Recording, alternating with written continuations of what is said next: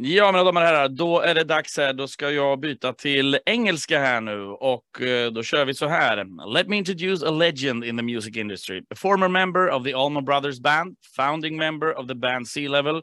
He has toured with Eric Clapton, George Harrison, and many, many others. And he's the musical director and a touring keyboardist of the Rolling Stones since 1982. I give you Mr. Chuck Level. Thank you so much, Matthias. It's wonderful to be with you, my friend. Thanks for taking time. This this is great, and and um, I mean, please tell us a little bit about this tour. It's a 60 years anniversary. That's amazing. That must feel really, really. I mean, crazy.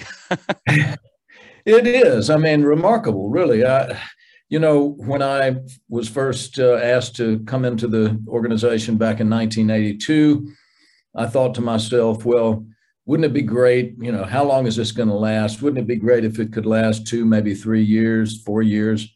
And and here we are, you know, 40 years for me yeah. later and 60 years for the band. It's just absolutely crazy. But uh, you know, it, it doesn't surprise me in as much as the, the individuals involved, of course, the, the principals. And as you know, we lost Charlie last year. That's yeah, still, still something that my condolences about that.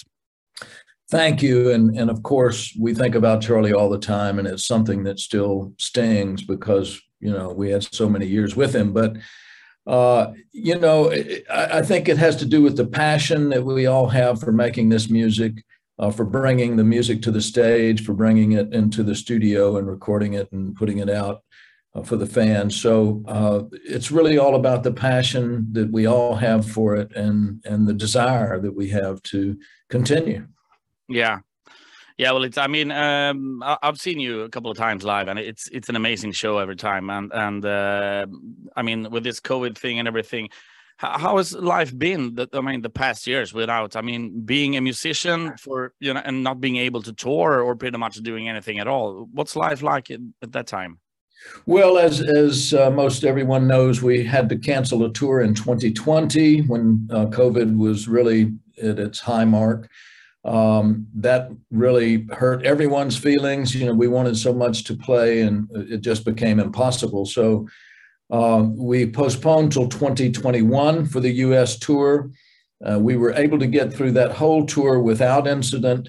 Uh, again, you know, sad to lose Charlie during that time. Uh, Steve Jordan has done an amazing job, as most everyone knows. Uh, Charlie had given Steve his blessing.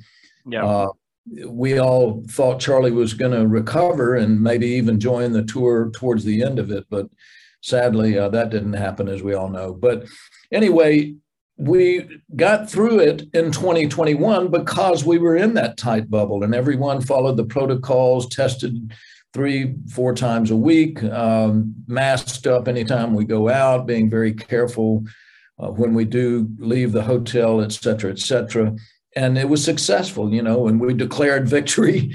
You know, we, we all said, God, we did it. We got through it. And, and I don't know, maybe it gave us a little overconfidence uh, for this year and this tour. Uh, here we hit this bump just last night, um, having to cancel or not cancel, postpone Amsterdam uh, due to yeah. getting COVID. And, but we all knew the risk involved. Uh, the risks are there. You do everything you can to avoid them, but um, sometimes it catches up with you, and here we are. Yeah, and, and canceling Amsterdam. Now the next show is supposed to be Bern, and after that uh, Milan. But you don't you don't know anything about those yet, right? No, it's too early to say. We don't know the severity of Mick's case of COVID. Uh, Will he recover quickly in a couple of days? Uh, will it take a week? Uh, so these are issues that no one can answer until the days go by. Um, you know, it, it it's a depressing thing for all of us, and Mick more than anyone. You can imagine how he has to feel right now. Yeah, of course, of course. Well, let's hope for a really quick recovery for for Mick. That, that would be awesome. Yeah, well, I, I appreciate that thought, and I know all the fans are, you know, sending best wishes and everything, and certainly we all appreciate that. Yeah. Du lyssnar på Eftermiddag med Mattias Eriksson. Yeah, definitely.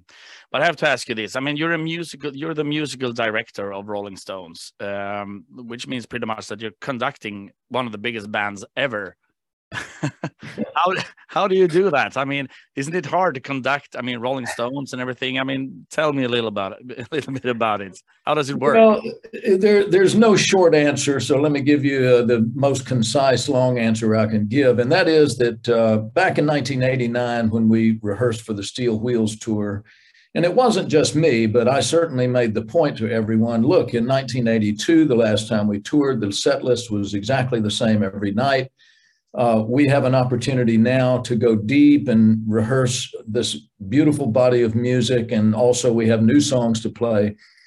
Uh, you know, let's go deep, and and we did. We had a two month rehearsal uh, every day. I would make notes of the songs that we rehearsed, and if there was a reason to do a chord chart, I would do a handwritten chord chart. Uh, I would make notes. Uh, do we have horns? What were the horn parts? Uh, do we have you know background vocals? What were the background vocals? Uh, parts. Uh, did we change the arrangement for any reason? Sometimes we do that for live purposes. And so, I, through all that uh, rehearsal in 1989, I compiled these, uh, you know, pieces of paper that had all these notes on them. Well, the technician for me said, "Hey, these you don't need these just to be floating around. Let me go out and buy." Uh, a notebook and that has plastic sheetings, and I'll start to categorize all these notes that you're doing. well, thank you very much because that went on from uh, doing the rehearsals into every time we'd have a sound check and make any changes. The following tour, the Voodoo Lounge tour, the tour after that, et cetera, et cetera. Yeah. And consequently, over time, I've compiled these two large volumes of uh, notes on all these songs. Probably, I haven't counted them, but I have to believe there's probably close to 200 songs in these notebooks. Yeah. and so that process translated into me sometimes giving visual cues on stage during the performances to help remind people where we might be. That was especially important for Charlie, by the way, who uh, as most people know, was more of a jazz drummer than a rock and roll drummer. And sometimes there would be parts to a song coming up that Charlie was unsure where it might occur. And so I could give him a visual signal with my hand, you know, and he would understand what was coming. Um, and sometimes that applied to Mick as well, because Mick's out there working the crowd. He's, you know, getting them to engage, clapping their hands, singing along. Yeah. He might get a little bit lost as to where he is. And so I could give visual cues to Mick. You know, here's the, I make a two fingers for a verse and a little C uh, with my hand for chorus or give him other cues. So that's how the role came about. And I scoff at it a, little bit, uh, Matthias, because look, Mick and Keith are the musical directors of the Rolling Stones. But, um, you know, I'm happy to help in any way I can. Um, this is something I do with other artists and something I do with my own band. So uh, it's a natural thing for me. Yeah, well, amazing job. Congratulations on doing it so good. Thank you. Um, yeah, but I mean, also, how how do you even make a set list for a, a tour with the Rolling Stones? I mean, you have hundreds of songs to choose from, and and of course, you have fans to please. You have hardcore fans who wants you know hear songs that you never played before, and you have yourselves as well. But how, how is it even possible to make a set list? It's impossible. the answer is it can't be done. There's no, you know, it's the old saying that uh, you can't please all the people all the time. You yeah. can please some of the people some of the time, you know. Um, but we do our very best, and I mean this sincerely. And I work with Mick very closely on this, and certainly with um, uh, Keith and Ronnie as well we do our very best to balance that set. Look, you know there's going to be a lot of disappointment for first time goers or second time, perhaps, maybe even third time. If they don't hear Start Me Up, if they don't hear Can't Always Get What You Want, if they don't hear Jumpin' Jack Flash, et cetera, et cetera. And so you want those songs to be in the set, uh, but you also want some spaces where you can do those deep tracks. On this tour, as you probably know, we brought in Out of Time.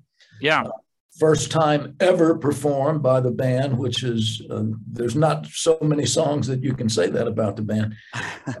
uh, but uh, the, you know, then the, the other deep tracks that maybe are not quite that deep, uh, songs like Heartbreaker, All Down the Line, Rocks Off, Um, you know, some of the ballads, uh, uh, Memory Motel, for instance, or uh, Fool to Cry, Worried About You. These are all songs that we all love playing. We try to bring them in um, as carefully as we can. And, and one other thing I will note to the fans out there is I always keep a database of what we played in any given city on the last tour. Ah. Uh, and also, we do research, for instance, about what were the most streamed songs over the last year in Germany or in Switzerland or wherever. What were the most downloaded songs on Apple or other downloading sites? What was the most played on YouTube, etc. So most of the time, it's the usual suspects, the big hits, but every now and then something will emerge that'll will say, "Oh, that's interesting. That song got a lot of play, and and uh, so let's put that in the set." So that, uh, the point is, it's a process. We pay close attention to it. We try to keep it as interesting as possible that you can do in a two-hour and ten-minute set. Yeah, well, that, that was actually one of my questions about this. You know, uh, possibilities today to to look at uh, statistics from Spotify and YouTube and everything. So really nice that you're using that because I mean that must mean a lot for the fans, you know. At that, at those... Du lyssnar på Eftermiddag med Mattias Eriksson. Really nice that you're using that because I mean that must mean a lot for the fans, you know, at that, that at those areas. yes, to... and then uh, as you know, most every uh, show there's only been maybe less than 1% uh, over the past three, maybe four tours that we have not used what we call the vote song, the by request, where we put up four songs uh, on the internet and social media and let the fans uh, vote on which one of those four that we'll play that night. So that's a lot of fun and it engages the fans on social and i think it's a lot of fun for them and it's fun for us because we you know we keep it true uh, to to what the vote is. Uh, you know, and and we're surprised sometimes as which one uh, will win out of those yeah. four. yeah, I can imagine that. Uh, I mean, you, have been touring a lot uh, for, I mean, pretty much whole, your whole life. Are there? Do you still get nervous when you go on stage? No, no. it's, you know, I've done this since I was uh, 14 years old, and it's always been for me the the fact is, uh, when I'm ready to go on stage, I focus on what we're doing. I focus on the songs. Uh, I'm listening to my brethren on the stage, uh, each and every other instrument, uh, very closely. I'm trying to interact and complement everyone. So it's really totally a focus factor. Uh, you know, it's fun to look out and see 60,000 people out there. I mean, that's cool. yeah, you know, that must be. and but it's more of a confidence booster than anything just to think my heavens all these people want to come you know and we want to put on the best show possible so uh, no I'm, I'm very calm um, during all the shows i enjoy every moment that i'm on the stage yeah but i mean uh, of course uh, and as you say there are 60000 and sometimes even more can you still um, how do i say this uh, you know, stop up a little bit sometimes on stage, you know, thinking, shit, I'm I'm on the stage. There's 60,000 persons screaming for, you know, me and my band here. Can you still appreciate that live on stage or is it just a job working it through having so, so much to think about or can you know sometimes like between songs or everything think, holy shit, this is amazing. Matthias, every night, every night I look over and I, I good heavens, is that Mick Jagger over there? Look, look the other, is that Keith? Is that Ronnie? You know, of course, Charlie when he was with us. Uh, pinch myself every every night. I mean, you know, I do not take lightly the position that I have. I'm, I'm grateful beyond words for it. Uh, you know, I've been able to perform over a thousand shows with these guys, and each and every show is a joy, an honor, a privilege, and I never, never lose sight of that. And you know, people ask me, well, you know, God, how many times have you played Satisfaction? How many times have you played Jumpin' Jack? And uh, the answer is, it doesn't matter. It's like the first time. Every time I play it, it's uh, yeah. these are such great songs. They're so fun to play, and it's so great to look out and see the reaction of the audience when we play them, and they're you know, listen, they've lost all their problems, they've gone away, they're clapping their hands, they're singing along, they're having the time of their lives. If we can do that for people, then mission accomplished.